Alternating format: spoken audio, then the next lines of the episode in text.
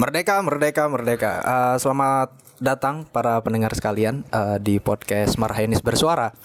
Uh, sebelumnya perkenalkan gue uh, Jack gitu dan di samping gue udah ada teman gue Bung Fahri. Nah ini udah ada Bung Fahri di sini.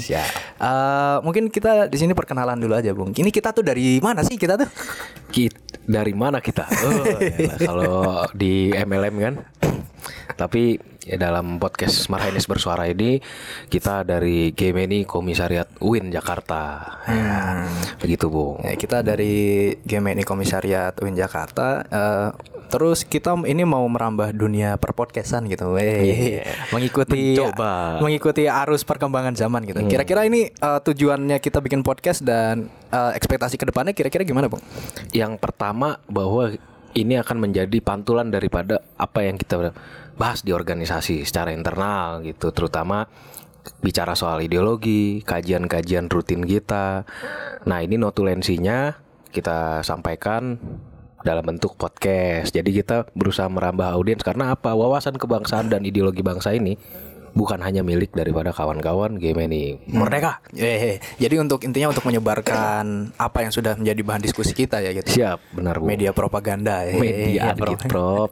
Ah, tapi mungkin- kalau propaganda itu kan bahasanya gimana ya kalau propaganda itu kan tidak ada yang bertanggung jawab terhadap pesan Hmm. kalau agitasi itu ada yang bertanggung jawab jadi itu ini lebih ke agitasi agitasi Ya. mantap Eh, apa ya Eh, mungkin ke depannya podcast podcast ini eh podcast Marhainis bersuara ini juga bakal diisi oleh eh, diskusi buku hasil diskusi buku bedah buku terutama Hmm. bu- buku-buku yang menjadi kajian dasar kita karena di jenjang kaderisasi kita di Gemini khususnya secara nasional itu memiliki silabus kajian yang berbeda-beda tiap tiap jenjangnya. Nah, itu buku-buku itu alangkah baiknya kita share dalam artian kita bedah bersama, kita kita simpulkan kajiannya karena memang buku-buku ini perlu kita akui juga bahwa agak sulit untuk didapatkan.